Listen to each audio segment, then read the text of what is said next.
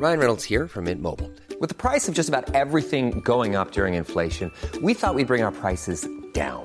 So to help us, we brought in a reverse auctioneer, which is apparently a thing.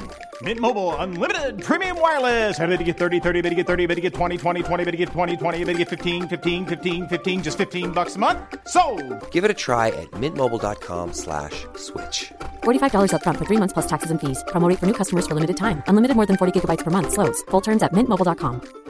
Quality sleep is essential. That's why the Sleep Number Smart Bed is designed for your ever evolving sleep needs. Need a bed that's firmer or softer on either side? Helps you sleep at a comfortable temperature? Sleep Number Smart Beds let you individualize your comfort so you sleep better together. JD Power ranks Sleep Number number 1 in customer satisfaction with mattresses purchased in-store. And now, save 50% on the Sleep Number limited edition Smart Bed for a limited time. For JD Power 2023 award information, visit jdpower.com/awards. Only at a Sleep Number store or sleepnumber.com. When you're ready to pop the question, the last thing you want to do is second guess the ring.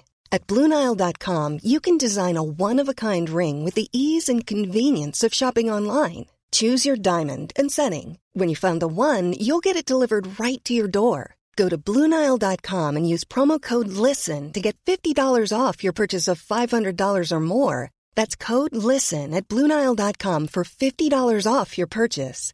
Bluenile.com code LISTEN. Palmemordet, kvinnorna runt Viktor Gunnarsson, del 1.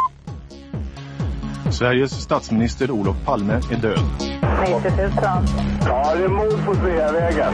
Hörde de säger att det är Palme som är skjuten. Mordvapnet med säkerhet är en Smith Wesson, en revolver kaliber .357. Inte ett svar. Det finns inte ett svar. För jag har inget. Och jag har inte varit Varför skulle jag Polisen söker en man i 35 till 40-årsåldern med mörkt hår och lång mörk rock. Det här avsnittet är gjort i samarbete med Maxulin. Testosteronnivån sjunker hos alla män från 30-årsåldern och kosttillskottet Maxulin innehåller testofen som visar sig kunna frigöra mer av det bundna testosteronet i blodet. Läs mer och beställ Maxulin till halva priset via maxulin.se alltså m a x u l i n Ja, nu har vi kommit fram till en serie avsnitt om de många kvinnorna runt Viktor Gunnarsson. Och här kommer jag ta upp ett antal kvinnliga vittnen. Det är inte bara flickvänner utan det är till exempel hon som åker tunnelbana in till stan och råkar ut för Viktor Gunnarsson. Men vi ska börja direkt och vi börjar med ett förhör från den 27 mars 1986. Polisen är polisassistent Thomas Järnkrok och vi intervjuar Gertrud N. På avsnittet Händelser på förhörsprotokollet står inte mordet på Olof Palme utan samtal angående Viktor Gunnarsson. Eh, Gertrud är Hägersten och hon verkar jobba på daghem. Och förhörsprotokollet är inte ett dialogförhör utan ett summeringsförhör då av herr Järnkrok.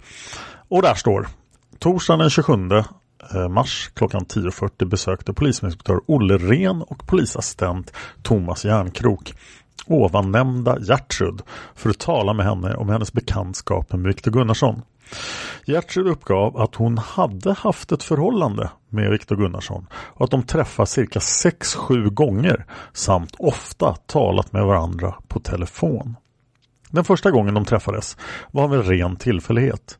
Det var någon gång i december 1985, strax före Lucia. De träffades vid Liljeholmens tunnelbana och började prata med varandra. De bytte adresser och bestämde sig för att träffas för att gå till amerikanska kyrkan. Den andra gången de träffades var strax före jul 1985. De bestämde då per telefon att de skulle gå till amerikanska kyrkan och vid detta tillfälle var även en man vid namn Mikael med. Denne Mikael bor någonstans i Norsborg i närheten av Viktor Gunnarsson och de två, alltså eh, Viktor och Mikael, var mycket goda vänner. Den tredje gången Gertrud träffade Viktor var en söndag i början på februari 1986, förmodligen den andra i sjätte står det. Jag antar att det är den sjätte i andra. Men det måste vara den andra i andra för det var den andra andra var ju en söndag. Eftersom den andra mars var en söndag och det var 28 dagar i februari. De träffades då och gick på bio på Kungsgatan. De gick därefter och fikade på ett café, vilket ligger strax ovanför biografen Saga på Kungsgatan. Mm, Mon Cherie, Antoni.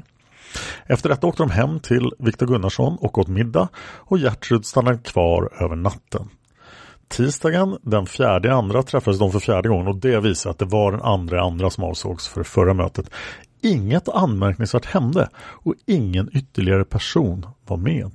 Vid något av de första tillfällena uppgav Viktor Gunnarsson att han skulle åka till Tyskland den 21 februari för att hämta en afrikan. Den afrikan skulle ha suttit i fängelse i Tyskland och nu var utvisad därifrån. I samband med detta skulle Viktor Gunnarsson till sin hjälp få Mikael och en libanes med bil. Afrikanen skulle ha ett falskt pass för att klara överfärden till Sverige.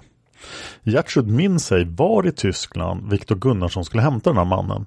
Men hon är säker på att hon skulle känna igen ortsnamnet om hon fick titta på en atlas. Hon skulle då också kunna tala om från vilket land afrikanen kommer. Den femte gången Gertrud och Viktor Gunnarsson träffades var den 25 februari.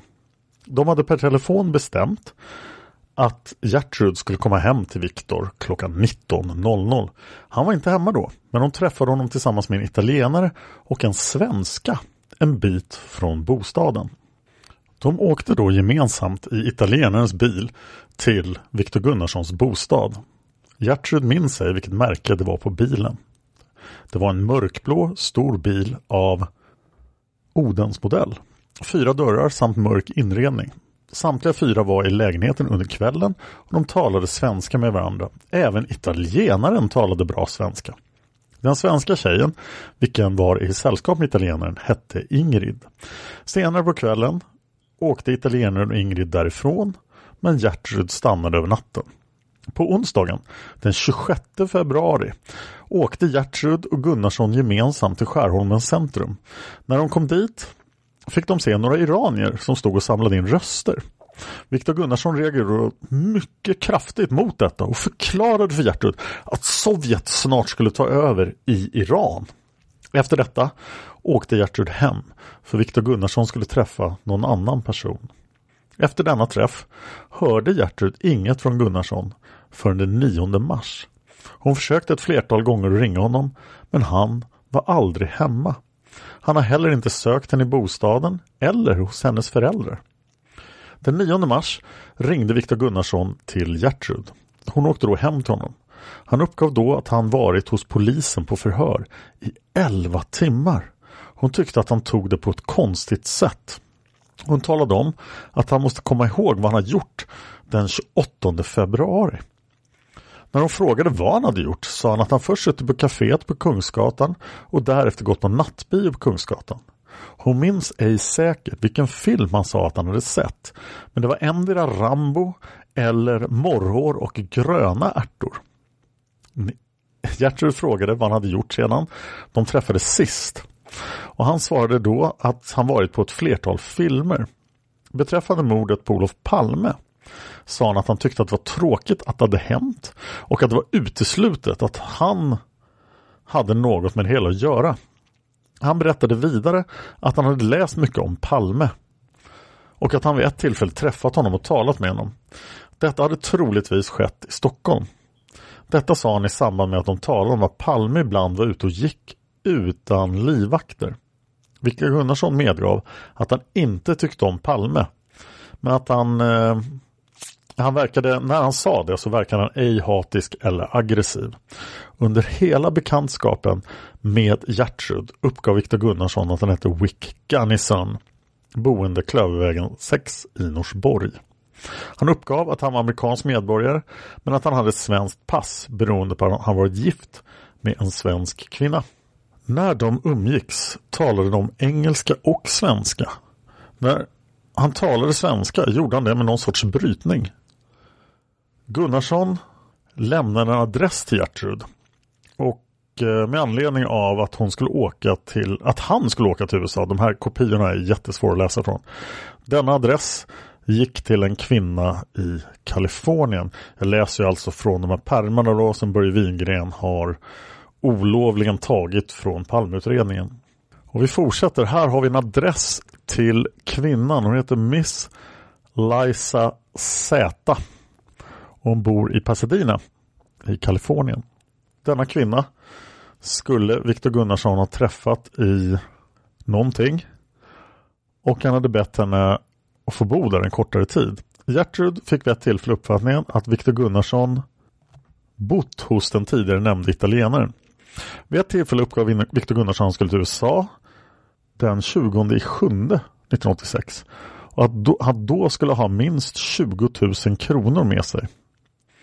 Under den tid Gertrud och Gunnarsson umgicks hade de ett förhållande, vilket var helt normalt sexuellt och även i övrigt.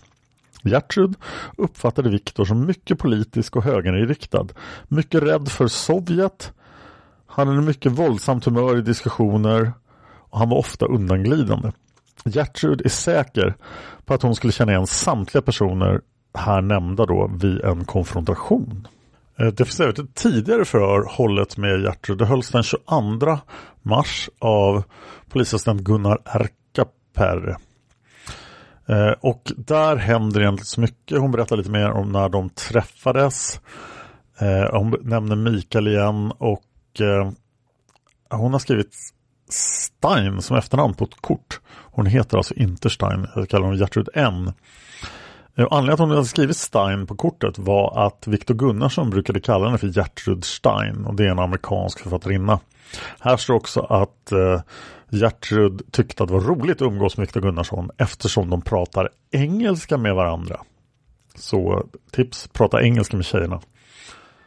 Nästa kvinna ut i det här avsnittet är Sueko K.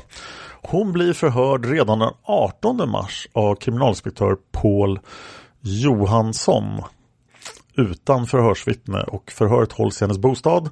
Hon bor i Vällingby. Eh, Sueko underrättades om att hon skulle höras avseende sin kännedom om Viktor Gunnarsson och Johan Birsan.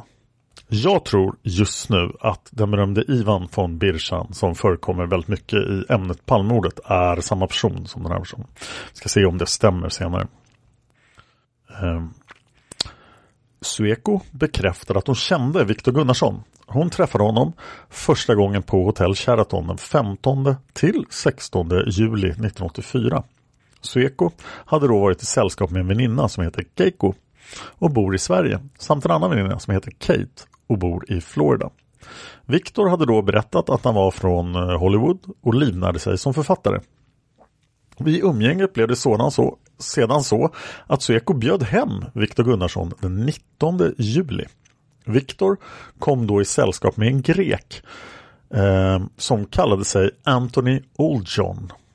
Övriga som kom till festen var en annan väninna från Amerika som hette Taiko H och hon var i sällskap med en man som kallar sig Ivan Romanov von Lothringen. Senare visade sig hans riktiga namn vara Jovan Birschan samt Keiko och två svenska kvinnor. Festen blev misslyckad för Birschan och Old John började bråka då de talade politik och även Birschan och Viktor blev osams. Exakt vad de bråkade om kommer Sueko inte ihåg.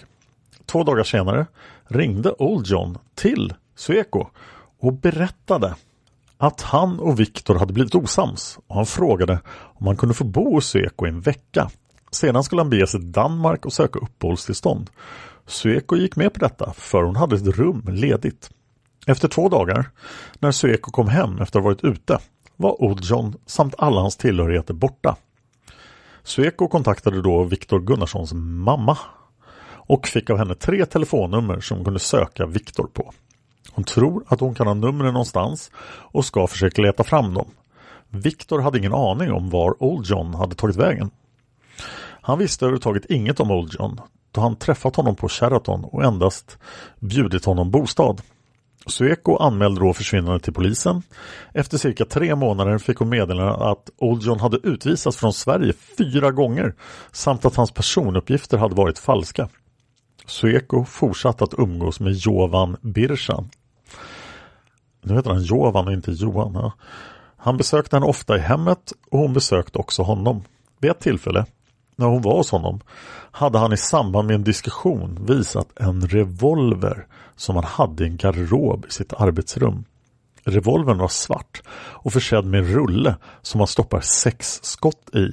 Han hade även haft en handgranat i garderoben. En sån som Sueko hade sett på film. Sueko uppfattade dessa som leksaker. Sweco tror att det var någon gång mellan augusti-november 1984 som hon första gången såg revolvern. Sedan har hon sett den ytterligare en gång under 1985. Birshan brukar träffa Viktor i Manuelkyrkan och när hon nu vet att Viktor sitter misstänkt för mordet på Olof Palme kommer hon att tänka på revolvern. Birshan har uttalat hat mot Palme men hon har aldrig hört Viktor säga något sånt. I övrigt har Sueko Birsan, Viktor samt sångerskan Lena A träffas på en restaurang på Söder när Lena uppträdde där. Några veckor senare hade Sueko, Birsan, Viktor och en korean besökt restaurangen Tokyo på Kungsgatan. Dessa två sammanträffanden ägde rum någon gång mars-april 1985. Därefter har Sueko av en händelse träffat Viktor två gånger på T-centralen. Han hade nämnt vid något av dessa tillfällen att han höll på att flytta till Fittja eller Norsborg. Birsan arbetar som dörrvaktmästare på någonting som börjar på SH. Jag misstänker att det är Sheraton. Det finns ett tillägg till förhörsprotokollet. Eh, 1986 03 19 meddelade Sueko att hon hade hittat anteckning med de tre telefonnumren som man kunde söka Viktor Gunnarsson på. På lappen är noterat Vic Gunnison Telefonnummer, telefonnummer. Före numret är noterat Sommarstugan och så ett nummer till. Eh, polisen har kontrollerat det här med eh, Telefonverket, eller Televerket heter det på den tiden. Telefonverket, nu är det. Eh, första numret gick till Viktor Gunnarsson, Gammeluddsvägen i Saltsjöbo. Där bor ju inte Viktor Gunnarsson. Det andra numret gick till Gunnar O. Och det är då rimligtvis Viktors pappa. Det är Viktors pappa. Det tredje numret går till en arkitekt som heter Soltan B på Gammeluddsvägen i Saltsjöbo. Och det här är då underskrivet av Paul Johansson, kriminalinspektör. Sen finns det ett till tillägg och där står det de uppgifter som Sueko lämnat om vapnen hos Birsan har kontrollerats av bland annat Janne Adolfsson på Rikskrim Narkotika. I skåpet hos Birsan hade legat en pistolattrapp, svart till färgen, samt en cigarettändare med formen av en ägghandgranat. Birsan har även hörts ingående av Rikskrim och jag hoppas att vi har de här förhören i pärmarna också. Sen kommer då ett förhör som jag har funderat mycket på om jag överhuvudtaget skulle ha med här men det känns som att det här förhöret förtjänar att komma ut. Det har förmodligen absolut ingenting med Viktor Gunnarsson att göra. Det är en kvinna men det är alltså ett förhör från den första mars. Klockan 19.05 så det är dagen efter mordet. Det är ett tips angående mordet på Olof Palme från Gullmarsplan. Tipsaren är Marie T.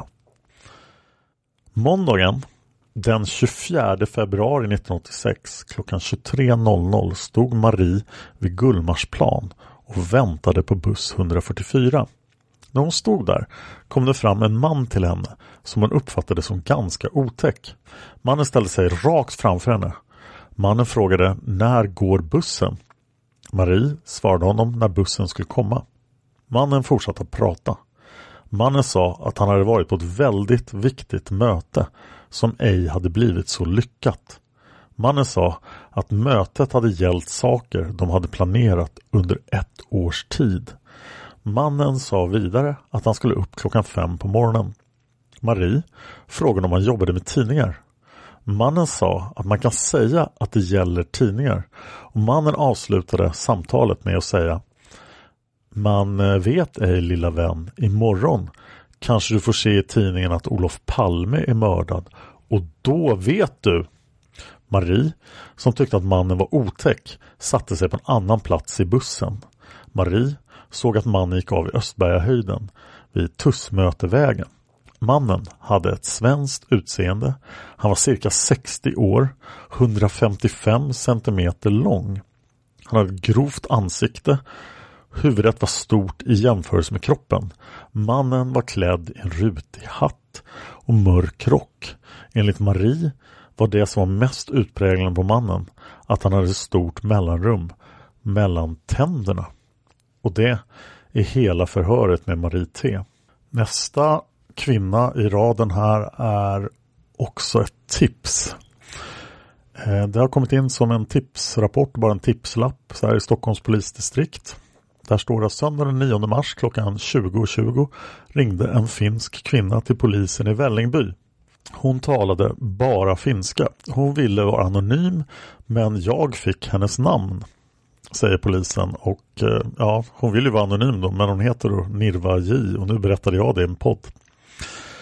Eh, inget telefonnummer. Hon vill inte att hennes namn ska komma ut eftersom hon är rädd för mannen hon pekar ut. Ja, då är ju skälet överstökat i alla fall. Mannen som hon tror står bakom mordet heter Viktor Gunnarsson, boende Klövervägen 6 i Norsborg. Men han har även en femrummare i Gamla stan, okänt var. Han arbetar som lärare på en skola någonstans i Sundbyberg och som kyrkovaktmästare i Adolf Fredriks kyrka trodde tipslämnaren är det markerat av K. Sivuseri som är vid VD6 som alltså är polis som har tagit emot det här tipset. Viktor Gunnarsson har sagt att han hatar Olof Palme och att han skulle kunna skaffa vapen när som helst. Cirka tre veckor före jul var han i USA. Många kvällar innan mordet var han inte hemma och han är inte hemma nu. Viktor talar svenska, finska, spanska och tyska. Signalementet cirka 180 cm lång, kraftig kroppsbyggnad, mörkt hår, mörkblå ögon, smalt ansikte, ser snygg ut. Gunnarsson umgås mycket med Peter B. B talar bra tyska och svenska. Han har sagt att han ska åka till Tyskland och är nu inte hemma. B är 190 cm lång, har kraftig kroppsbyggnad och mellanljust hår, det vill säga det är då stackars Peter B som blev anklagad för att vara skuggan. Tipset mottaget per telefon av K. Sivusär, VD6. Och Mirva blir förhörd. 86.03.13 klockan 13 Mirva J då förhörs av Norlin. Hon uppger att det mesta hon vet hon fått reda på sin kamrat Maria L och det är alltså Maria L som vi mötte i ett tidigare avsnitt ganska nyligen. Hon uppger att det hon ska tala om är det som hon fått reda på av Viktor Gunnarsson. Han har sagt till henne att han arbetar som vaktmästare i en kyrka som ligger mitt i Stockholm samt att han ska ha en lägenhet som ligger i Gamla stan och som brukas av en massa andra människor. Han uppger att han fått den lägenheten av en person som heter Hasse som är mexikan. Han ska arbeta på Orientresor i Stockholm. Vidare omtalar hon att Viktor rakade av sig sin mustasch kring mitten av februari och det tyckte hon var konstigt eftersom han alltid brukade ha en. Hon omtalar att han har två stycken handledsväskor, en svart och en större mörkblå. Hon säger att om han får reda på att de, tal, att de talar med någon om honom så ska han skjuta dem. Hon säger att de en gång har pratat om Palme och då blev Viktor arg, för han tycker inte om Palme. Och nu har vi kommit fram till den berömda svensktoppstjärnan Lena A. Jag har fått uppgifter om att hon bodde vid, på David Bagares gata precis i samma hus som PKK-caféet eller det, turk, eh, det kurdiska bokcaféet. Men jag har inte kunnat verifiera dem än. Lena A eh, blir förhörd av Palmeutredningen den 19 mars med början klockan 12.25 och det är faktiskt Dick Lönnblad och Inge Uvemo som förhör dem och det här är ett dialogförhör och jag antar att det är Dick som talar. Eh, förhörsledaren då, när lärde du känna honom? Lena, vi möttes alltså i slutet på juli 1984 måste det ha varit. Juli 1984, Lena, ja. Förhörsledaren, var bodde han då? Lena, då bodde han ute i Saltsjöbo. Förhörsledaren adress. Lena, eh, vad heter vägen? Han bodde alltså hos en Soltan B. Han hyrde ett rum med kokvrå med egen ingång i hans villa. Förhörsledaren hos en Soltan B. Eh, ja, just det. Adress. Jag kommer inte ihåg vad den heter. Förhörsledaren, vill du prata lite högre? Lena, ja. Förhörsledaren, var träffades ni? Lena, vi träffades på KB. Förhörsledaren, under vilka omständigheter? Lena, jag var där med en god vän och han kommer in med en kompis och sätter sig vid bordet bredvid. Förhörsledaren, vad heter den kompisen till, till Viktor Gunnarsson? Lena, jag vet inte vad han heter faktiskt men han är, det, han är också en utländsk kille. Förhörsledaren, prata lite högre. Lena, eh, Algeriet tror jag. Förhörsledaren, hur utvecklades sedan er bekantskap? Lena, sen så möttes vi, eller han ringde några gånger och jag gav honom mitt nummer och jag bad honom ringa mig. Sen ringde han några gånger och sen möttes vi två veckor senare ungefär. Ja, det gick ganska fort om man säger så. Vi åkte ner till hans föräldrar och sådär den helgen direkt. Vi var fyra stycken som åkte ner då och hälsade på hans föräldrar. Och vi bodde där nere hela helgen. Förhörsledaren, vilka var med där? Lena, ja, det, det var en kille som vi kallar för Nelson från Tunisien. Och sen var det en svenska som heter Greta som har en affär i Gamla stan. Så vi fyra vi hyrde, eller Viktor hyrde en bil alltså och betalade för hela resan liksom. Och vi åkte ner. Förhörsledaren hade Viktor mycket pengar. Lena, ja han jobbar ju som lärare ofta och då tjänar man ganska bra. Hade han pengar då bjöd han liksom. Sen när vi kom hem så hände det sig så att vi åkte ut till Saltsjöbo. Jag hade min katt med mig på resan och då skulle vi bara åka hem till honom för att han skulle lasta av sina grejer. Bilen är hyrd nära där jag bor. Men då hoppade min katt ut genom fönstret så han liksom försvann där i omgivningen. Så därför stannade jag kvar där ute. Katten var borta i åtta dagar så jag var där ute och väntade på att katten skulle komma tillbaka. Förhörsledaren. Var bodde du själv på den tiden? Lena. Då bodde jag på Gärdet och jag flyttade dit alltså i juli. Förhörsledaren. Vilken adress på Gärdet? Lena. Smedsbacksgatan. Så att eh, jag hade bott där kanske tre veckor någonting. Vi möttes ungefär två, tre veckor och sen bodde jag liksom där ute i Saltsjöbo med honom i kanske två månader. Sen började jag längta in till stan för det är också så. Jag jobbar ju med massa olika grejer så jag började känna mig lite avskuren där ute. Då ville jag in till stan liksom och då följde han med. Så bodde han hos mig. Han bodde hos mig fram till jul ungefär. Sen så blev vi osam ett, ett tag där. Så han försvann. Och sen kom han tillbaka. Och sen bröts vårt förhållande i januari någon gång. Förhörsledaren, i januari 1985. Lena, ja just det. Eh, vi är två starka viljor. Jag minns inte exakt alltså. Vi kanske inte hade så lätt att leva ihop fast vi gillar varandra liksom. Förhörsledaren, vill du utveckla det? Nej, jag vet inte. Han är liksom en dynamisk person, inte alltid så lätt att leva med. Och det är inte jag heller. Så vi var liksom två, vi var ganska lika alltså. Så vi liksom, ingen går efter om man säger så. Förhörsledaren, vad hade Viktor för intressen? Lena, ja det, det, är språk alltså i första hand och, och människor och Gud alltså. Det som jag ser hans stora intresse liksom. Förhörsledaren, vad var det för språkintressen? Lena han pratar så otroligt bra. Han kan liksom prata spanska så spanjorerna tror att han är spansk liksom. liksom han är språkbegåvad och pratar engelska. Han kan härma engelskt uttal perfekt alltså. Han kan prata amerikanska liksom. Han är språkbegåvad. Förhörsledaren. Pratade han något mer språk? Lena, han var gift med en polska som jag tror, ja hon var polska så han har snappat upp lite där också. Han kan vissa ryska ord liksom. Men mycket han kan där, det vet inte jag exakt. Han kan lite finska, det kan han väl, och tyska inga problem och franska inga problem. Och vad finns det mer för språk? Det är de man tänker på. Och så kan han liksom prata med araber och säga lite grejer. Jag kan inte bedöma hur mycket han kan prata eftersom jag inte kan de här språken. Men han har lätt liksom att få kontakt med alla. Men vad jag ser med honom, han, till skillnad från många svenskar, han är aldrig rädd för att ta kontakt med folk från mystiska länder om man säger så. Många svenskar har den där rädslan och den har inte han liksom. Om de kommer från Iran, Irak eller vilka länder det än är så är han inte rädd. Många svenskar drar sig för att de undrar vad det är där för några liksom. Jag har själv känt den rädslan liksom ibland. Och det här kanske är farligt liksom. När han bara gått på någon och man tänker man vet ju inte varför de är här. Förhörsledaren. Varför tar Viktor kontakt så här med olika människor? Och vad pratar han med dem om? Lena har allt möjligt, alltså vad som helst. Förhörsledaren. Kan du ge ett exempel?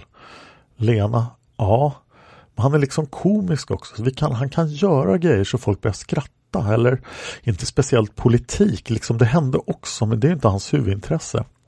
Jag tror snarare är så att han är människa som varit kristen länge.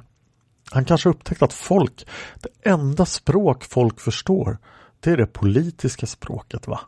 Det språket är folk helt inkörda på. De förstår de orden, men om man börjar prata liksom Guds språk, men vad säger du? Folk förstår inte det. Förhörsledaren, när han pratar politik, vad pratar han då? Lena, om vi säger han utifrån hans kristna inställning, han är emot liksom med alla de här grejerna att folk säger att han är mytoman och allt det. Va? Jag ser det som att han är liksom emot ett samhälle när en människa måste titta på ett papper för att se vem de har framför sig. Va, liksom. För det är liksom emot Gud på något sätt. va? Att vi lever i ett samhälle där folk har slutat se på varandra utan liksom har ett papper. Liksom kom han med en referens. Jag skrattade när jag läste i tidningen, referens från hans pappa liksom. Va? Bara för att folk går på det. Liksom han är en begåvad person med stora resurser. Men han har inte en dokumenterad erfarenhet va? Liksom där på det sättet va? Så ser jag honom. Därför han liksom utmanar folk på de där grejerna. Så att de ska liksom, ser du inte vem jag är liksom? Folk gör ju inte det liksom när man börjar säga lite olika saker. De börjar ju känna liksom vem det är här liksom för att de har tappat förmågan att känna igen en annan människa liksom. Oj, vad Lena A säger liksom. Jag ber om ursäkt för det. Men jag tänker läsa förhören som de är skrivna. Så förhöret fortsätter. Förhörsledaren säger Men du svarade inte min fråga. Vad pratade han om när han pratade politik med folk?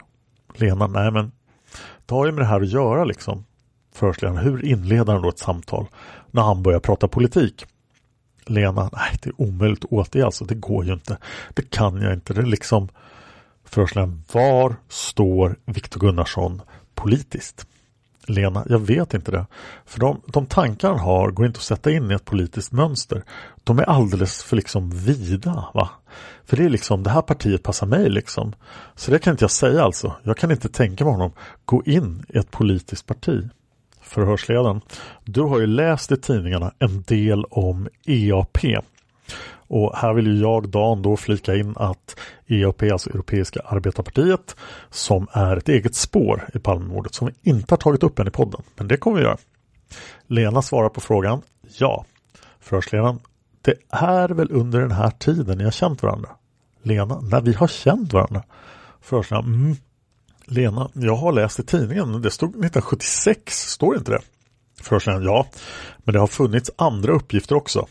Lena, det där vet jag ingenting om. Jag vet liksom att de visade en bild på en snubbe med en skittjock ärm. Eller arm. Oklart vad det står. En gammal gubbe liksom. Och de påstår att han var med liksom. Förhörsledaren, vet du om Viktor Gunnarsson har varit med i EAP? Lena, nej, det vet jag inte. Förhörsledaren, det vet du inte. Lena, nej, jag visste inte ens att de fanns liksom. Jag har aldrig talat om det. Förhörsledaren, vad är Viktor Gunnarsson med i för kyrka? Lena, Immanuelkyrkan, eller med, han går dit alltså. Man går i amerikanska kyrkan, det är en liten del för sig nere i källarplanet. Det är en ganska stor kyrka, men han går där nere. Det är amerikanska kyrkan och dit kommer det mycket människor från hela världen som bor tillfälligt i Sverige eller bor permanent liksom. Förhörsledaren, har du varit med Viktor Gunnarsson där? Lena, ja, jag har varit där två, tre gånger. Förhörsledaren, när då? Lena, när då? Ja, under den här hösten var det väl, när vi bodde ihop. Då gick vi dit ibland på söndagar och det är liksom gudstjänst och sen är det precis i anslutning i samma rum så är det liksom att man fikar efteråt. Det finns en pastor där som är svensk men han har bott hela sitt liv i USA. Förhörsledaren, vad heter han? Lena. Jag kommer inte ihåg vad han heter, en gammal fin man. Han är svensk-amerikan. Så nu här då i Sverige tillfälligt kan man säga, tror jag. Förhörsledaren. Var, var den mannen pastorn? Lena i Sverige? Förhörsledaren. Ja. Lena, jag vet inte, men jag tror att han är från Oregon i USA, att han har bott där. Förhörsledaren. Vilka människor träffade Viktor i kyrkan? Kan du ge några namn? Lena, jag vet vad en snubbe som jag tänker på som är alltså en rysk man från en adlig släkt till och med. Men vad han heter alltså, det vet inte jag. En japanska brukar gå där, men jag vet inga namn på dem alltså. Förhörsledaren, har han bestämt möte med någon i Manuelkyrkan som han träffat där? Lena, eh, menar du utanför kyrkan? Förhörsledaren, både inne och utanför. Lena, som han sen umgås med utanför? Jo, det finns alltså. Det är de som jag tänker på nu alltså. Eh, har han även mött dem utanför kyrkan? Nej, det vet inte jag. Förhörsledaren, vilka är det? Lena, det är bland annat en kille också. Han bor ute i Tumba. Men jag vet inte vad han heter heller. Förhörsledaren, hur gammal är han då? Lena, han är, kan han vara i 35-årsåldern? Han är ifrån vilket land är han ifrån? Han bor här med sin fru och barn fast de bor inte tillsammans för de skildes när de kom till Sverige. Men vilket land alltså, han kommer ifrån ett land där det inte är vanligt att man är kristen. Men han är kristen liksom. Någonstans österut om jag säger så. Jag kommer inte ihåg. Förhörsledaren, har ni varit ute på resor tillsammans? Lena, nej. Inte mer än att vi åkt ner till Blekinge till hans föräldrar. Han har också varit hemma hos mina föräldrar en gång men annars har vi inte rest, nej. Förhörsledaren, ingenstans i Sverige. Lena, nej. Förhörsledaren Norden. Lena, nej, nej. Förhörsledaren eller? Lena, nej. Förhörsledaren, pratade han om att åka ut i världen och resa? Lena, ja, jättemycket. Förhörsledaren, vilka länder var då aktuella? Lena, han var i USA i somras tror jag. Sen, jo, när vi var tillsammans, då åkte han ner till Kanarieöarna en vecka, bara sådär, Las Palmas. Han har också bott i Spanien och varit lärare i engelska i Spanien. Förhörsledaren, åkte han då till Spanien eller var det Kanarieöarna?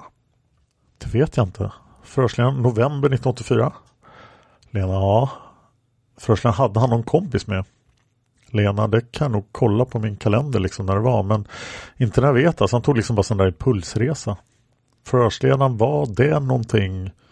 Och sen saknas förhörsledarens resten av meningen då. Lena, nej, han träffade en gammal kompis Las Palmas, en man som han kände då när han bodde där nere. Förhörsledaren, vem var det? Lena, ja liksom det här med namn va, för det är så mycket folk i hans omgivning så man bryr sig aldrig om att tänka på vad någon heter. Det är alltså en äldre spansk man som bor där nere. Jag vet inte vad han heter. Jag har ett kort på Viktor just när han går av planet på Kanarierna. Förhörsledaren, om vi skulle prata lite ekonomi.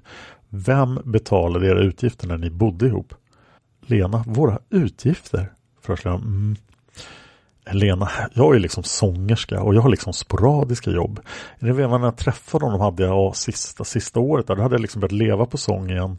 Förut, jag jobbade fyra år på sjukhus och sen så Ja, innan då. Jag flyttade till Gärdet alltså på grund av att jag, jag inte hade råd att bo där jag bodde förut för det var liksom för dyrt. va. Och så bytte jag till en etta från en tvåa men då levde jag alltså på sångjobben. Och så jobbade jag fortfarande bara lite, lite grann på sjukhuset. va. Ja, och sen så fick jag jobb i november 1984 på en firma som heter Växeltelefonisterna. Så jag började jobba där och så jobbade jag till november nu före jul. Jag jobbade ett år nästan full tid, 9 till 5. Och han, jobbade, han jobbade som lärare på KB bland annat. Invandrarlärare i svenska. Och jo, när vi träffades så hade han fortfarande kvar det här så kallade väktarjobbet. Det var alltså ett jobb som han jobbade på nätterna då. Då satt han alltså på Saxon och Lindström i sån här liten vaktkur. Helt ouniformerad satt han liksom. Du vet man går in och ut så sitter en gubbe där och det var Viktor. Förhörsledaren, vem stod för utgifterna Lena? Lena, vadå? Vad menar du? Förhörsledaren, vem stod för de utgifterna? För jag förstår dig rätt så hade inte du det särskilt fett.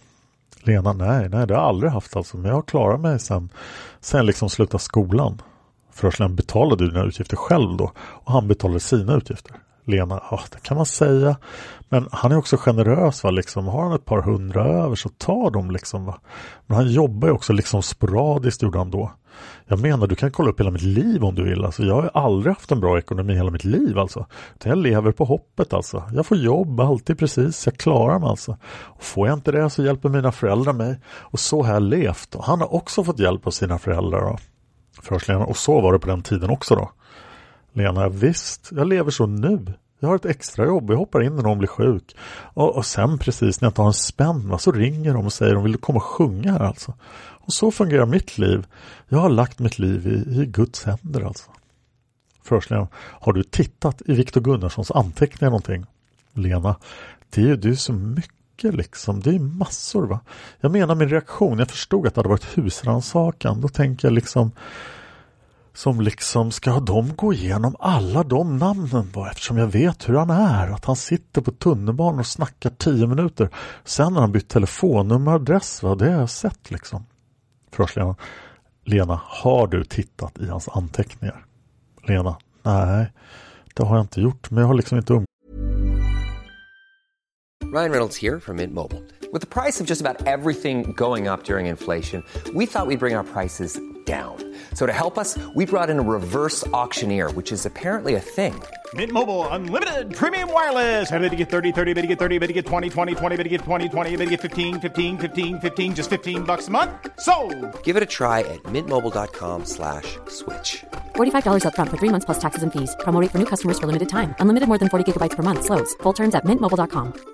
Many of us have those stubborn pounds that seem impossible to lose, no matter how good we eat or how hard we work out. My solution is PlushCare.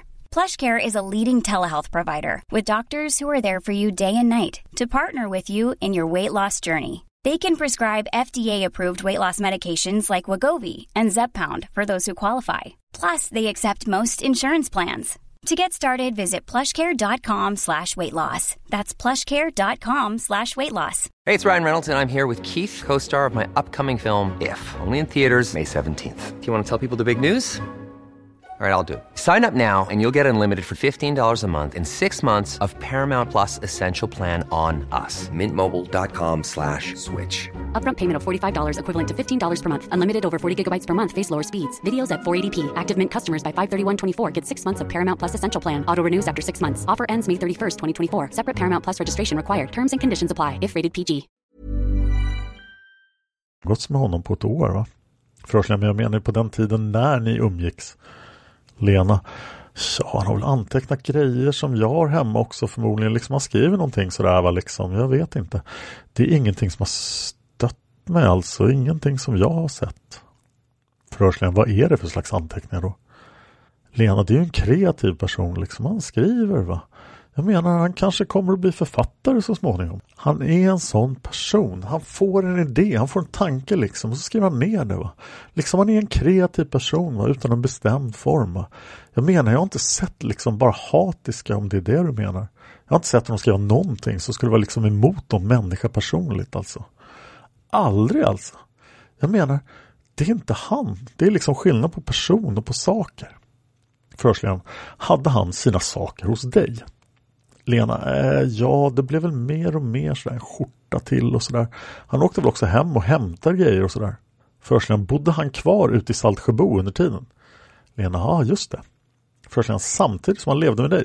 Lena, ja fast jag vet inte om han, jag kommer inte ihåg om han hyrde ut på något sätt. Jag vet att han gjorde det sen. Jag vet inte hur det är nu om han fullständigt har lämnat liksom det här. För det är en jättefin omgivning där ute. Det kan hända att han har ohörbart och kommit tillbaka ohörbart. Det vet inte jag. Förhörsledaren, har du sett några vapen hemma hos Viktor Gunnarsson? Lena, nej. Förhörsledaren, är det säkert det? Lena, ja. Vad har jag sett bara det? Han hade kvar liksom delar av de där väktarkläderna. Han hade kvar i skåpet i en garderob, typ en sån där vinröd liksom. Förhörsledaren, inga vapen alls. Lena, nix. Förhörsledaren, har han Bland de här sakerna han satt dit hos dig har han gett dig några instruktioner att du inte får gå in i någon väska eller bag eller någonting liknande. Lena, nej, nej, nej, no. Först Lena, var var ni någonstans när ni umgicks? Vilka besökte ni? Lena, ja vi gick mycket Gamla stan till exempel, vi gick runt mycket där. Han gillar liksom Gamla stan för det var litet och nära och lätt att få kontakt med folk liksom. Många utländska människor går det där i Gamla stan och det finns många kaféer och fik och sådär. Han känner ju många där. Det finns en glassbar dit han brukar gå. Den ägs av Märta, en kvinna där liksom. Han har massa vänner där som jobbar på olika ställen. Förhörsledaren, har Viktor Gunnarsson pratat någonting om Palme? Lena, nej inte sådär uttalat som det ser ut nu.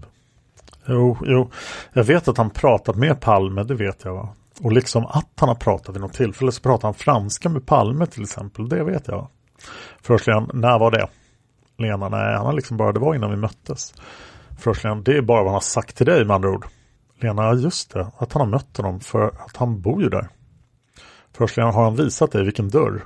Lena, var, var Palme bor? Förhörsledaren, ja. Lena, ja kanske, det minns jag inte exakt, det kanske han har gjort. Men han vet ju var Palme bor alltså, det gör Viktor, det vet jag. Han har sett honom på stan och går fram och snackar liksom, lika väl som han går fram och snackar med vem som helst. Förhörsledaren, har du varit med när Viktor Gunnarsson träffade Palme vid de tillfällena? Lena, nej det har jag inte. Förhörsledaren, har du varit med vid något tillfälle när han har träffat Palme? Lena, nej. Förhörsledaren, det är bara vad Viktor har sagt till dig alltså. Lena, mm, och det vet jag liksom för det har han sagt till fler stycken. Han säger det bara för att, liksom, för att liksom väcka folk och göra någonting, säga någonting. Liksom. Menar jag vet att det är många som vet att han har sagt och nämnt Palmes namn i det här.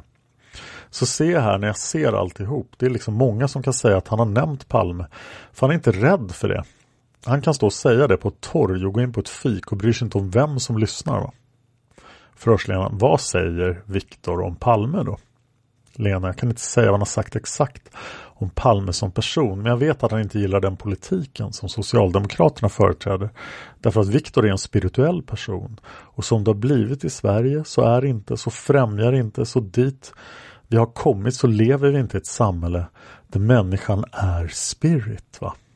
Utan folk har liksom blivit helt försoffade. Liksom det håller jag också med om utan att vara politiskt intresserad. Jag behöver bara åka tunnelbana för att se hur dåligt folk mår. Jag vet hur folk ser ut i andra länder. va? Det är ingen som kan lura mig att det är så här överallt. För så är det inte. Jag har varit i andra kulturer och jag vet att det är inte mänskligt att se så grå ut i ansiktet och där saknas det en rad i förhöret. Det är min åsikt. Det är min åsikt. Förhörsledaren. Vad är Viktors åsikt? Lena, jag lever alltså här och kämpar och har blivit förtryckt hela mitt liv alltså. Jag har också blivit avskedad från massa jobb. Jag blev avskedad från sjukhuset och jag blev avskedad från de där växeltelefonisterna därför att jag är annorlunda va. Så därför förstår jag det va. För då är jag en artist som plötsligt har gått in på en annan mark och gått in på ett vanligt jobb va. Förhörsledaren, men vad är Viktors åsikt om det här då? Lena, som jag ser det, det ligger till grund för hans syn på socialdemokrater och på Palme va. Det ligger till grund. Det är att han ser att folk är rädda. Att folk har ingen spirit. Att de bara är med här och inte liksom vågar säga ifrån. De vet ju inte ens vad de känner. Förhörsledaren, har Viktor något förslag på hur man ska ändra det här? Lena, jag har aldrig hört något sånt. Aldrig. Förhörsledaren, men om man framför en åsikt så här bestämt, då måste man ha egna tankar på hur det ska se ut istället och på vilket sätt man ska göra det annorlunda. Lena, Ja, det är klart. Så kan man också säga. Men jag har aldrig hört dem liksom säga någonting om att Palme ska skjutas eller på något sätt. Aldrig. Först nej men jag ställer inte sådana frågor till dig heller. Att han ska skjuta Palme. Du säger själv att du har sett andra länder där det är annorlunda. Lena, ja just det. Förhörsledaren, vilka då till exempel? Lena, Spanien. Jag har varit i USA, jag har varit på Ceylon. Jag menar, det finns liksom inga politiska skikt där som stämmer va? Jag har varit i Australien, jag har varit i Amerika. Jag har varit i Sydamerika också. Och jag har varit i Japan. Och då börjar förhörsledaren säga vilka. Men då tar kassettbandet slut och de blir tvungna att vända kassettbandet. Och när vi kommer in igen är Lena mitt i, eh, i någon lång harang här som jag fortsätter på. Så fort det händer någonting i min omgivning så börjar jag skaka. Va? Och då förstod jag liksom att okej, okay, jag behöver Gud liksom. Och liksom vi lever i ett land som är religionsfrihet och jag började undra liksom, är det på pappret? Ska de hållas inne i liksom kyrkor bara liksom? För det handlar faktiskt om att ha en helt annan världsbild. Därför att ja, jag tycker det är jättetråkigt vilken människa som än dör. Det är liksom tragiskt va? Att Palme dör liksom, det är tragiskt. För han är en människa som råkar ut för ett våldsdåd. Men liksom jag som kristen kan inte förstå alla dessa manifestationer. För att när jag ser dem människa, va? jag ser självmedlidande. Det finns ingen religion i världen som sätter självmedlidande högt på stegen. Det är folk som är förtryckta. De kan inte ha någon annan känsla. Förhörsledaren. Vad säger Viktor om det här då? Lena, men jag har inte träffat honom. Förhörsledaren. Nej, men vi håller oss till den tiden när ni umgicks. Lena. Jo, jo, nej, men det här hör ju ihop va liksom. Jag har inte hört honom yttra någonting. Att, liksom, att det ska tas till våld eller skjutas eller något sånt. Det är det jag säger va. Det är det enda jag kan säga va. Förhörsledaren, vad har du hört istället va? Lena, ja men det är det jag försökt att förklara att människor som tror på Gud, de kan inte styras. De kan inte styras från det steget till att liksom begå en våldshandling. Jag menar, frälsning är en helt annan sak. Det har inte med våld att göra. Det är motsatsen till våld. Förhörsledaren, hurdan är Viktor i humöret? Lena, han är liksom ganska, han har temperament det har han och det får man ju ha om man vill. Förhörsledaren, har han varit i bråk med några någon gång? Lena, eh, det enda han har varit i bråk är, som jag vet, det är mig alltså. Vi har bråkat liksom. Vi har slagits en gång. Men det är liksom, han är inte den enda jag har slagits med i så fall. Jag menar det finns olika typer hur man är i förhållanden. Va? Om man rör en människas innersta, då kan det bli bråk. va? Förhörsledaren, och det har Viktor gjort med dig. Lena, vi har bråkat så. Det är ju Förhörsledaren, vad är det innersta Viktor har rört vid hos dig? Lena, vad är det för innersta? Nej, när jag rörde honom, hans innersta. Och där saknas en rad i förhöret. Förhörsledaren fortsätter. Jo, men om du ska specificera att du har rört vid hans innersta, då måste du säga vad hans innersta är. Lena, jo, det kanske är ett sår i hans hjärta. Förhörsledaren, förlåt. Lena, han kanske har ett sår i sitt hjärta. Förhörsledaren, vad då för slags sår? Lena, äh, det kan vara liksom från hans barndom, hur han växte upp liksom. Han har blivit mobbad och sådana grejer liksom, när han var liten. För att han var annorlunda. Förhörsledaren, är det vad du tror? Eller har han sagt det? Lena, nej. Det jag tror alltså. Att jag rörde vid det därför att jag trodde att det var, det var så innan jag rörde vid det. För att jag ville att han skulle veta att det var så. Får man inte veta att man har ett sår så kan man aldrig läka det. Förhörsledaren, det var det du undersökte. Lena, just det. Förhörsledaren, har du träffat rätt då? Lena, ja, det kan man säga. Förhörsledaren, hur uppträdde han mot dig vid det tillfället då? Lena, nej, vi bråkade liksom, vi skrek och gapade och vi slog varandra liksom. Det har hänt mig förut liksom, det är inget ovanligt att man slåss lite. Förhörsledaren, vi har pratat i cirka 35 minuter. Vi kanske ska göra en liten paus på ett par minuter. Och sen blir det en paus. Och sen säger förhörsledaren, vi fortsätter förhöret igen klockan 13.06. Vi ska titta på lite fotografier. Fotografi nummer två. Kan du säga vad de heter som är på den här bilden? Lena, ja honom vet jag. Han heter Farid M. och han kommer från Irak. Förhörsledaren, är det någon mer du känner igen? Lena, nej, no. Förhörsledaren, foto nummer tre. Lena, ja, alltså, ja, det är den, men då vet jag vad hon är. Hon jobbar på Förhörsledaren, vill du börja från vänster? Lena från vänster. Han heter inte Nelson, men vi kallar honom för Nelson. Eh, Förhörsledaren, personen till vänster om dig. Lena om mig, just det, han vet jag inte, vi vet inte. Och Farid alltså. Och hon jobbar på Saxon och Lindström där Viktor jobbade som vakt. Vad hette hon då? Det får du inte veta för den raden är borta. Och sen kom vi in mitt i en mening från Lena igen där hon säger bara ringde folk som man bara träffade sporadiskt alltså. Och så kom dit och det kom en massa folk liksom. Först en foto nummer fyra. Lena, just det, det är japanskan som jag pratade om. Först vad heter hon då? Lena, jag vet inte vad hon heter. Men det vet han alltså, den där ryska snubben som finns i kyrkan där alltså. Först vem är det? Vem är det där som skymtar bakom? Lena, jag har ingen aning. Först sen sitter du och sen sitter det någon kille till. Lena, just vid det här tillfället när jag spelar alltså, det är Åsa. Hon är tillsammans med min gitarrist Hasse. Först Lena, förlåt. Eh, Lena, hon är tillsammans med min gitarrist Lill-Hasse J. Först Lena, den där då? Lena, jag vet inte, det är bara någon, en gäst. Det är ju på Orion när vi spelar alltså. Det är otroligt. Vem har tagit de här bilderna? Först Lena, sedan bild nummer sex. Lena, det här är min granne. De kom upp till mig igår. De bor i huset bredvid mig. De heter S. Och det där är Lill-Hasse, min gitarrist som jag spelat med i tre år. Jag har känt honom sedan 1975. Förhörsledaren, men vad heter Lill-Hasse i efternamn? Lena J. Förhörsledaren, och där Lena, ingen aning. Gäster på Rion, de är säkert stammisar där. Alltså, nej, vad dum jag är. Det är ju Åsas mamma. Det är ju Lill-Hasses tjejs mamma. Förhörsledaren, har du några frågor Inge? Är det något mer du själv vill säga Lena? Lena, nej. Jag tror inte det. Först då avbryter vi föret klockan 13.10. Vill du lyssna igenom förhöret Lena? Lena, nej, det tror jag inte. Palmemordet finns på Facebook. Ungefär tusen personer av er har hittat sidan på Facebook. Jag skulle gärna vilja att fler av er gör det, så gå gärna in och likea där. Ni är många fler än tusen. Palmemordet publiceras också på Youtube, så om det är några problem med mp3-feeden så kan ni hitta alla avsnitt på Youtube. Det gäller speciellt avsnitt 3 som av någon anledning fungerar dåligt på iTunes och podcastklienter för vissa. Nextory är en tjänst för ljudböcker och e-böcker där ni kan få 30 dagars gratis access om ni använder koden PALME. Och det gäller för nya kunder och ni kan sluta vara kund på Nextory när som helst. Nextory.se kampanjkod. Jag vill gärna ha iTunes-recensioner Om ni lyssnar på en Apple-plattform så hjälper iTunes-recensioner podden att synas bättre och jag har lovat att läsa dem i podden så det kommer jag göra nu. Vi tar dem i omvänd ordning.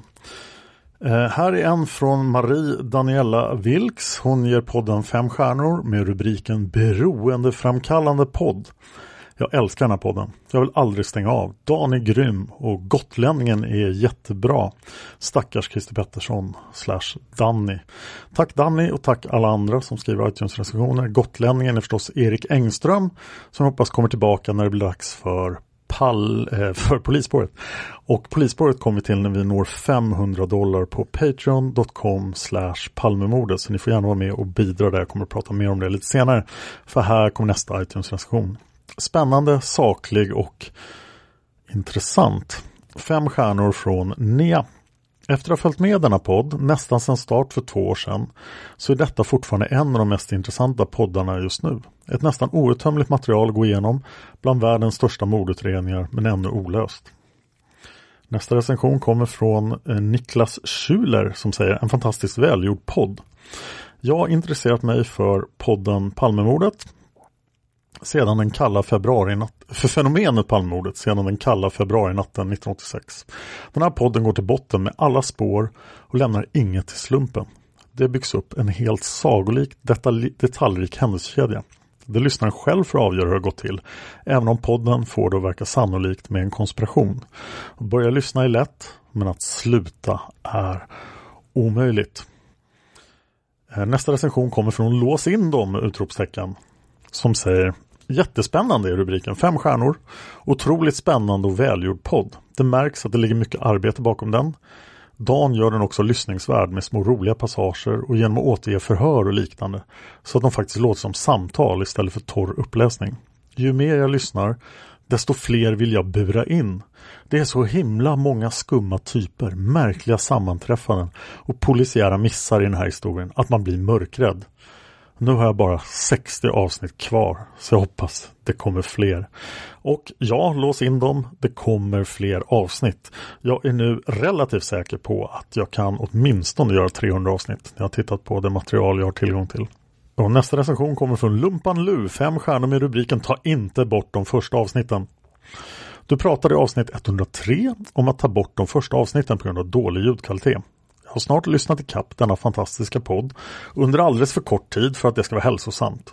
Och utan den grund som lades i de första avsnitten, mordplatsvittnena och så vidare, så skulle resten inte vara lika intressant. Och de behövs för att allt ska fungera. Man blir fast i podden på grund av vad som sägs där och inte vad det är för kvalitet på ljudet. Fortsätt med det fantastiska arbete du gör.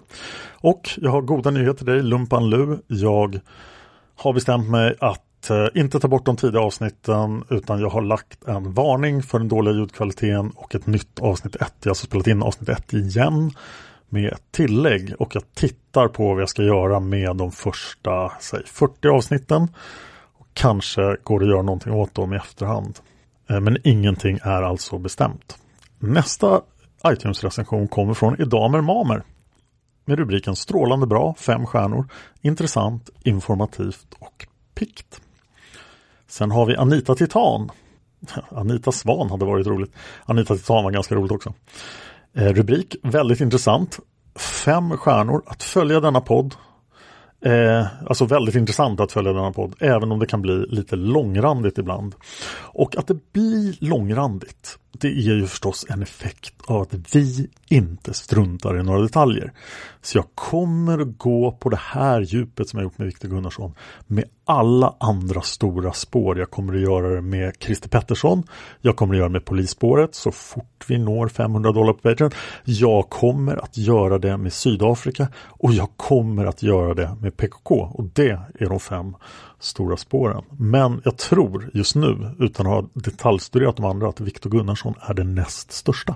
Och här har vi åsikter från Blogglisa. Hon skriver rubriken Underbar podd, fem stjärnor.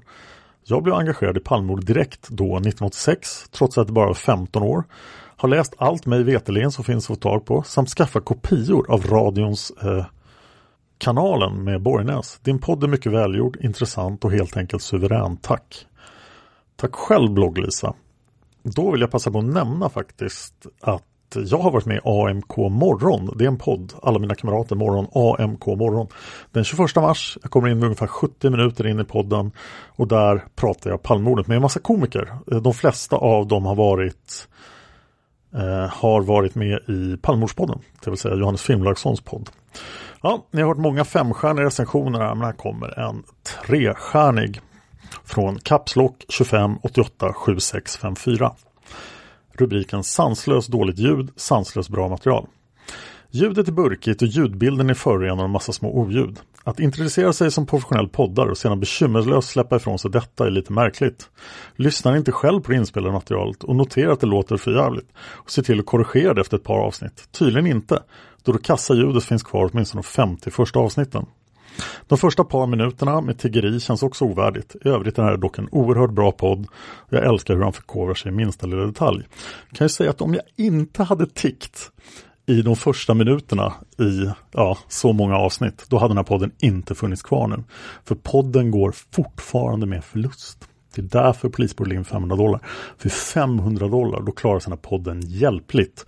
Och då är det alltså en halvtid jag lägger på den här podden och en halvtid på Seriemördarpodden i princip. Och de måste båda då gå bra för att det här ska fungera. Eh, ljudet är som sagt har vi pratat om väldigt många gånger förut och jag tror inte Capslock har lyssnat så här långt.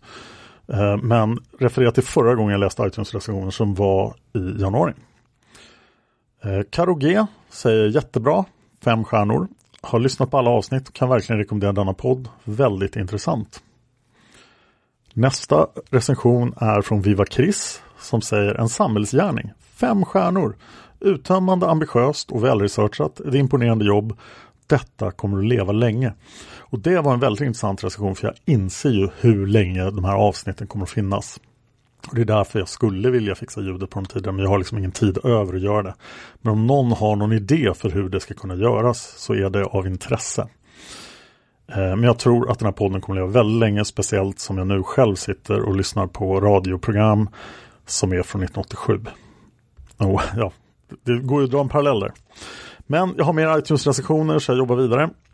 Eh, det är då Don't Believe Don't Believe All Nicknames Are som har rubriken jättebra, fyra stjärnor. Intressant och såklart och redigt. Plötsligt får man sammanhang allt man bara hört om. Mycket helt nytt för mig. Jag har kommit till avsnitt 66. Det är bara synd att Dan tenderar att plötsligt prata fortare och fortare. Och fortare när han läser. Man blir stressad. I övrigt är den bästa podd jag har hört. Det här var intressant feedback. Är det någon annan som tycker att jag pratar fortare och fortare och fortare? Det kanske jag gör. Det är ingenting jag hört tidigare. Men det låter som någonting som jag ska kunna göra. För jag kan bli stressad ibland och för mig att oj, nu måste det gå fortare. Och jag har ansträngt mig ganska mycket för att prata långsamt. För jag vet att jag tenderar att prata snabbt. Nu pratar jag jättelångsamt. hörni.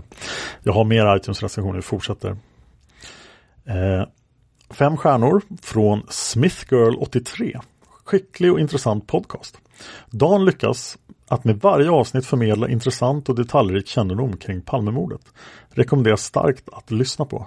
Ja, vi märkte på Palmevandringen att det är många som är födda på 80-talet som eh, lyssnar på den podden och det är otroligt kul. Och även 90-talister.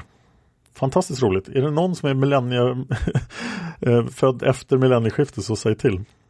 Nästa recension är från en person jag känner. Det är från Broder Per.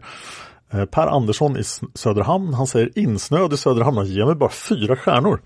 Helt fantastiskt att förmånen att lyssna på en så genomarbetad podd. Bäst i klassen. Det låter kanske försmädligt att jag säger bara fyra stjärnor men jag har blivit bortskämd att få så många femstjärnor. Eh, och femstjärnor är jättesupervanligt på iTunes. De som verkligen orkar skriva recensioner eh, ger ofta fem stjärnor statistiskt sett. Så jag tror att fem stjärnor är det absolut vanligaste betyget på iTunes. Nästa iTunes-recension kommer från Patrik Svan. Ett mästerverk, fem stjärnor. Detta är den bästa och genomgående mest noggranna analysen av Palmemordet, analysen förlåt mig, av Palmemordet som gjorts. Ett måste för alla som gillar mordgåtor och svensk kriminalhistoria. Nästa recension kommer från PZ Kvl 3719 med rubriken 88. Fem stjärnor. Riktigt rolig och spännande podd Dan. Som synskadad får jag säga att du har en otroligt bra inläsarröst. Jag gillar din tanke bakom podden och det här gör det ännu intressantare att lyssna. Längden på avsnitten är perfekta. Tack så mycket. Längden på avsnitten är ju lite varierande men nu är det i alla fall minst 40 minuter. Men det här avsnittet till exempel ser jag nu har blivit ganska mycket längre.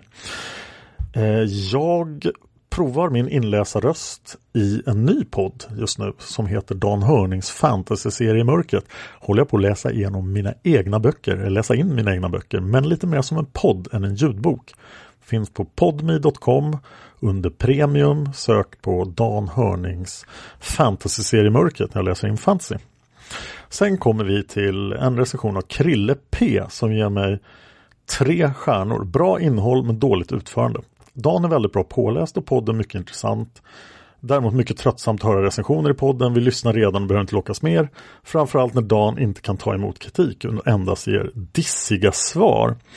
Utöver det är ljudet lite väl buskigt. Detta gäller främst då det gäster i podden men även vanliga avsnitt skulle kunna ha bättre ljud. Sen skulle det som flera redan påpekat behöva klippas och redigeras mer. Långa pauser, sidospår, felaktig information och så vidare. Ja, nu får jag inte ge ett dissigt svar då. Eh, jag läser recensioner i podden för att det gör att folk skriver mer recensioner och recensioner gör att man syns mycket bättre på iTunes.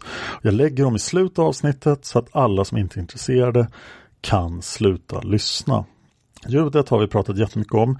Det representativa ljudet just nu är de här senaste avsnitten från 2018. Och vad gäller gästavsnitt så är standarden nu Borgnäsavsnitten. Så fort jag har en person som Borgnäs eller Gunnar Wall så lånar jag en studio av Agge Kall i Gamla stan där de spelar in sin podcast Väg 73. Eh, vad kan jag säga mera? Avsnitten skulle kunna klippas mer. Jag klippte faktiskt två avsnitt jättenoga och kollade om någon reagerade på det, men det hände inte. Eh, och det är en tidsfråga då. Eh, jag skulle till exempel kunna komma ut varannan vecka då, ägna lika mycket tid att spela in som och, till att klippa. Men när man är en person så tycker jag inte det behövs. Jag skulle klippa bort sidospår. Jag skulle klippa bort felaktig information men jag har inte, jag nämner den felaktiga informationen och sidospår tycker jag är en del av charmen med en podd. Jag vet inte vad, vad som är exemplet här. Det skulle vara intressant att höra. Vad är ett sidospår som var onödigt? Och nu ska jag rätta mig själv då. Ja, tur. När vi nämnde scientologavsnittet så nämnde vi Nyland i Danmark. Och det ligger givetvis inte i Danmark. Och en ledtråd skulle vara att det var Sundsvallspolisen som var inblandad. För Nyland ligger alltså i närheten av Sundsvall i Sverige. Och nu vill jag vara säker på att alla som inte vill höra iTunes-recensioner slutar lyssna. För att det enda som är kvar av det här avsnittet då är då iTunes-recensioner och när jag ska tacka de nya sponsorerna. Nästa recension kommer från Bastian 2000 Riktigt god, fem stjärnor. Jag är lite sen på bollen, men jäklar vad glad jag blev när jag hittade den här podden. Jag har lyssnat igenom de 40 första avsnitten nu och är helt såld. Sju av fem i betyg. Ja, Bastian, skönt att du inte lät dig skrämmas av ljudet i början. Nästa recension är från Frasse-Lasse. Bladvändare, fem stjärnor. Började lyssna i början av december, har nått halvvägs av de dittills, hittills gjorda avsnitten. Det är alltid spännande och insatt och man vill bara fortsätta lyssna på avsnitt efter avsnitt. Jag fasar för när jag kommit ikapp så att det bara blir ett avsnitt i veckan. Ja, eller ett avsnitt varannan vecka då om jag ska klippa lite mer. Nästa eh, iTunes-recension kommer från Mjölkmannen. Fantastisk fem stjärnor. Stor kvalitet, podd som verkligen går på djupet och intressant för både Palmenördar och nybörjare. Nästa recension är från Micke Andrén med rubriken En skattkista, fem stjärnor. Har börjat lyssna först för ett par månader sedan. Jag lyssnar på nysläppta avsnitt och från början parallellt. Jag kan konstatera att kvaliteten ökar vartefter och det gäller inte bara ljudet. Jag ser fram emot polisspåret. Och nu Micke Andrén har du faktiskt kommit någonting på spåret. För en anledning att jag la polisspåret på 500 dollar var inte bara då att det var någon slags minimi-existensförsörjning där jag slutade gå back. Utan det var även för att jag ville ha erfarenhet av podden. Jag vill lära mig mer om poddar på svenska som jag är väldigt ovan vid. Jag har alltså poddat i fem, över fem år men det var gamingpoddar, det var Magic-poddar på engelska och där var det ingen som brydde sig om ljudkvalitet. Oj, jag läste just en jätterolig recension här. Nästa recension är från Tappaja med rubriken Ni får aldrig tag på mig. Fem stjärnor. Aldrig. Och där var recensionen slut. Sen har vi HLN 001 som säger superbra, fem stjärnor. En intressant bild av mordet på Palme och allt som pågått vid sidan av villospåret Christer Pettersson. Bästa podden. En till recension här från Josh Gick. Otrolig, fem stjärnor, helt otroligt bra. Att det kan vara lagligt att få så här bra lyssning gratis. Allt du någonsin behöver veta för att bli en privatspanare. Eh, på ett begripligt sätt utan att behöva ägna timmar åt att hitta egna källor. Nästa recension kommer från Movie Matic till Gotlänningens försvar, fem stjärnor. I det andra avsnittet om Mon Cherie fick Erik Engström en riktig känga riktad mot sig i en recension som lästes upp. Jag känner nu att någon måste träda in till Erik Engströms försvar. Jag tycker Engström kommer med sakliga inlägg och intressanta reflektioner. Utan Engström skulle podden bli avsevärt fattigare. I övrigt en mycket bra podd med genomgripande bra avsnitt. Särskilt avsnitten om Skandiamannen lyfte lite extra. De avsnitten hade den där extra touchen av spänning som ibland kan saknas i andra avsnitt. PS. Jag tror ej Skandiamannen på något vis var involverad i mordet på Olof Palme. Nästa recension, de är inte över än, kommer från, det beror, förlåt att jag har så många recensioner beror på att jag har tagit för lång tid på mig att läsa recensioner. Det var ju januari, jag borde göra det oftare. Så förlåt, fel av mig. Men så blir det ibland. Det var mycket Palmevandringens förtjänst. Gud, vad jag skyller ifrån mig nu. Vi läser vidare. Leus BDK eh, DKBBD. Mysigt. Fem stjärnor. Jag lyssnar alltid innan jag ska sova. Så härlig röst. Och då rekommenderar jag verkligen min andra podd Seriemördarpodden. Eh, där jag blir ännu mer spännande i min röst tror jag. Och det var alla iTunes-recensioner som jag försummat att läsa. Och som sagt, vi är bara 30 dollar ungefär från polisspåret. Så fort vi har passerat 500 dollar på patreon.com palmemordet så kommer jag att börja en fyra veckors researchperiod. Jag hoppas att jag kan göra avsnitt under den perioden. Eh, och det beror lite på när vi når fram. Men eh, ja, det ska jag göra. Om ni har gått med på Patreon för 7 dollar eller mer och varit där i fyra månader och inte fått ett vykort så skulle jag vilja att ni säger till. Jag tror jag har koll på att alla fått sina vykort men eh, ni kommer få ett mystiskt vykort på posten då, som säger åt er att omedelbart ta kontakt med Enskede-mannen. Eh, ja, 500 dollar polisspåret. Jag vet att många vill ha det och vi är så nära nu så jag hoppas jag hittar, jag tror jag behöver 15 personer till som är beredda att lägga 2 dollar per avsnitt. Det är en latte varannan vecka till mig ungefär. Eh, det går bra med Swish också. Skicka mig ett meddelande på Facebook då i gruppen Palmemordet så ska ni få mitt Swish-nummer. Om man går med för 2 dollar eller mer på Patreon så kommer man att bli tackad i podden.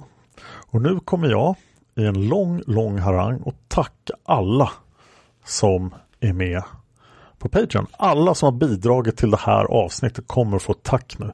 För att, och det involverar nya Patreons men även gamla. För att när ni är kvar som Patreon här så är det ju jätte, jättebra. Om ni nu känner att ni inte vill bli tackade i podden då behöver ni ändra reward setting på Patreon. Där väljer man om man vill ha en belöning eller inte och alla som har valt belöningarna tror ju jag vill bli tackad i podden för det är en belöning. Ni kan också byta ert namn på Patreon om ni inte vill att jag ska läsa upp ert namn som ni har skrivit på Patreon. Men om ni har skrivit att ni vill ha en belöning och ni har skrivit ett namn så räknar jag med att det är det namnet som vill bli tackat. Jag har provat andra varianter men jag tycker att det är den enda som funkar administrativt. Så att ändra fort om ni inte vill så och ändra då så att ni tar bort reward Eh, så att ni inte blir tackade. Och det är ingen som är över fem tror jag, eller över sju som inte vill ha reward. Då. Så att vykort kan ni få ändå om ni säger till. Om ni ligger på sju dollar. Så att nu vill jag tacka utan inbördes ordning P.O. Orvendal, Peter Sjögren, Jaje Josefsson, Ulrika Andersson, Lars-Göran. Lukas Holkvist som får ett extra tack för eh, att han har gjort musiken i podden. Tack så mycket för det. Om ni tycker att ni borde bli tackade och inte hittar det så beror det på att er betalning har studsat. Så kontrollera då inbetalningen på Patreon. Eh, jag vill tacka Renskit. Jag vill tacka Anna Bonde, Fredrik och Johan Edvard. Din betalning har slutat funka så kolla upp det. Men du har varit Patreon väldigt länge och det tackar jag jättemycket för. Oskar Tell, Håkan Holm, Vem var det? Claes K, Jimmy Brodd, Erik Rådstam, Petter Ljungström. Tack så jättemycket. Tack till Marcus Uvell. Tack till Pierre Persson. Tack till Niklas Blaback. Tack till Henrik Östholm. Tack Karin Abrahamsson. Johannes. Victoria Leclerc. Eva Padges. Sorry, Padges. Erik Forsman. Joel Malmqvist. Emil Virhammar. Tack till Sven-Åke Österberg. David Forsberg. Kristoffer Högberg. Mats Olsson. Podden Orbiter Dictum. Anders Ystedt. Per Appelgren, Emanuel Mankert och Thomas Larsson. Speciellt tack till Thomas Larsson. Du vet varför Thomas.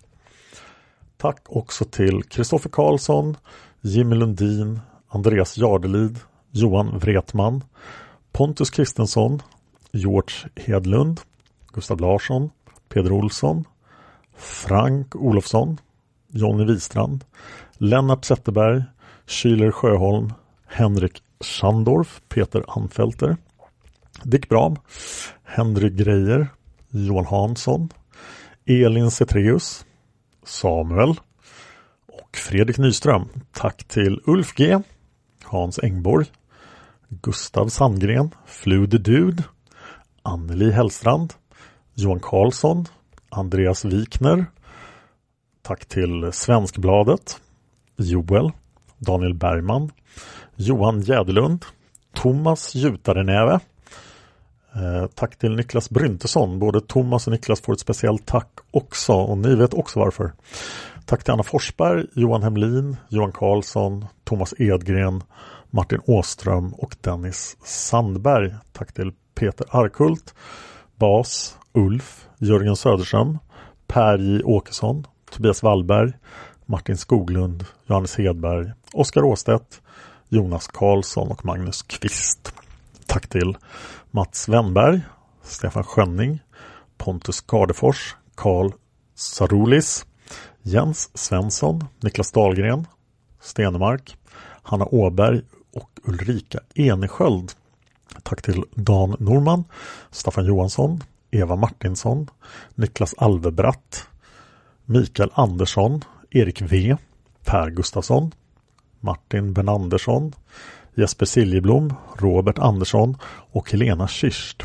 Tack till Tony Sandelin, Henrik Ekholm, Molle, Pontus Jonsson, Per Andersson, Anna Skälstad, Viktor Nyman och Herman. Tack till Martin Betts och till GW, alltså GV. Tack till Per Ek, Arek Jasinski, Josef Näslund, Roger Pettersson, Roger Magnusson, Andreas Ekstrand, Björn Röstlund, Jenny Sällsve och Lokförarbloggen. Tack till Stefan Elfgren, Andreas Fryklund, Erik Grasén, Rasmus Karlsson och Odin Rauschenbach. Tack till Fredrik Westman, Caroline Jansson, Mikael Torstensson, Morse P och Nea. Tack till Henrik Olander, Patrik Krasén, Marcus Långström, Mats Lindblad, Johan Tholén och Danderydsmannen. Tack till Martin Nilsson, Annika Lundqvist, Per Koskela, Mikael Holmberg, Anita Kussisari, Mattias Lagerstedt, Johan Eriksson, Emil Knabe, Andreas Karlsson, Kricke, Stefan Malmberg, Gustav Sundell och Anders B. Och tack jättemycket till alla ni som har valt att inte bli tackade i podden också. Eh, och jag räknar upp alla de där namnen. Det finns alltså lika många till som inte vill bli tackade. Och och eh, för att jag tror att vi kommer att kunna hitta 15 stycken till. Ett sätt ni kan hjälpa mig att göra det är att sprida podden förstås, dela den på sociala medier och ja, så. Eh, retweeta, Facebook, allt det där. Tack för att ni lyssnar på Palmemordet. Är jag verkligen klar nu? Jag tror att jag är klar nu faktiskt. Ja, det är jag. Tack så mycket. Man hittar Palmes mördare om man följer PKK-spåret till botten. Därför att ända sedan Julius Caesars tid har det aldrig hört talas om ett mord på en framstående politiker som inte haft politiska skäl. Polisens och åklagarens teori var att han ensam hade skjutit Olof Palme. Och det ledde också till rättegång. Men han frikändes i hovrätten. Nu ska vi ut på rövarstråt. Ja, vi ska ut och röva. Hey, it's Paige DeSorbo from Giggly Squad. High quality fashion without the price tag. Say hello to Quince. I'm snagging high-end essentials like cozy cashmere sweaters, sleek leather jackets, fine jewelry, and so much more. With Quince being 50 to 80% less than similar brands. And they partner with factories that prioritize safe, ethical, and responsible manufacturing. I love that. Luxury quality within reach. Go to quince.com slash style to get free shipping and 365 day returns on your next order. Quince.com slash style. Planning for your next trip? Elevate your travel style with Quince. Quince has all the jet setting essentials you'll want for your next getaway, like European linen, premium luggage options, buttery soft Italian leather bags, and so much more. And is all priced at 50 to 80% less than similar brands. Plus, Quince only works with factories that use safe and ethical manufacturing practices. Pack your bags with high-quality essentials you'll be wearing for vacations to come with Quince. Go to quince.com/pack for free shipping and 365-day returns. Are you ready for truly hydrated skin? Meet Hyaluronic Body Serum, a breakthrough in body care from Osea. It's clinically proven to instantly increase hydration by 161%. Their lightweight, fast-absorbing serum delivers 24 hours of nonstop hydration for silky smooth skin without the sticky afterfeel. Osea's latest innovation combines the magic of their best-selling hyaluronic sea serum with a new formula that's good for the whole body and five types of hyaluronic acid to target every layer of the skin. Osea is a women-founded, women-led brand that's been crafting seaweed-powered products for nearly 30 years. The best part? Everything Osea makes is clean, vegan, cruelty-free, and climate-neutral certified, so you never have to choose between your values and your best skin. Treat your skin to clean, vegan skincare from Osea. Get 10% off your first order site-wide with code SUMMER at OseaMalibu.com. That's O-S-E-A Malibu.com code SUMMER.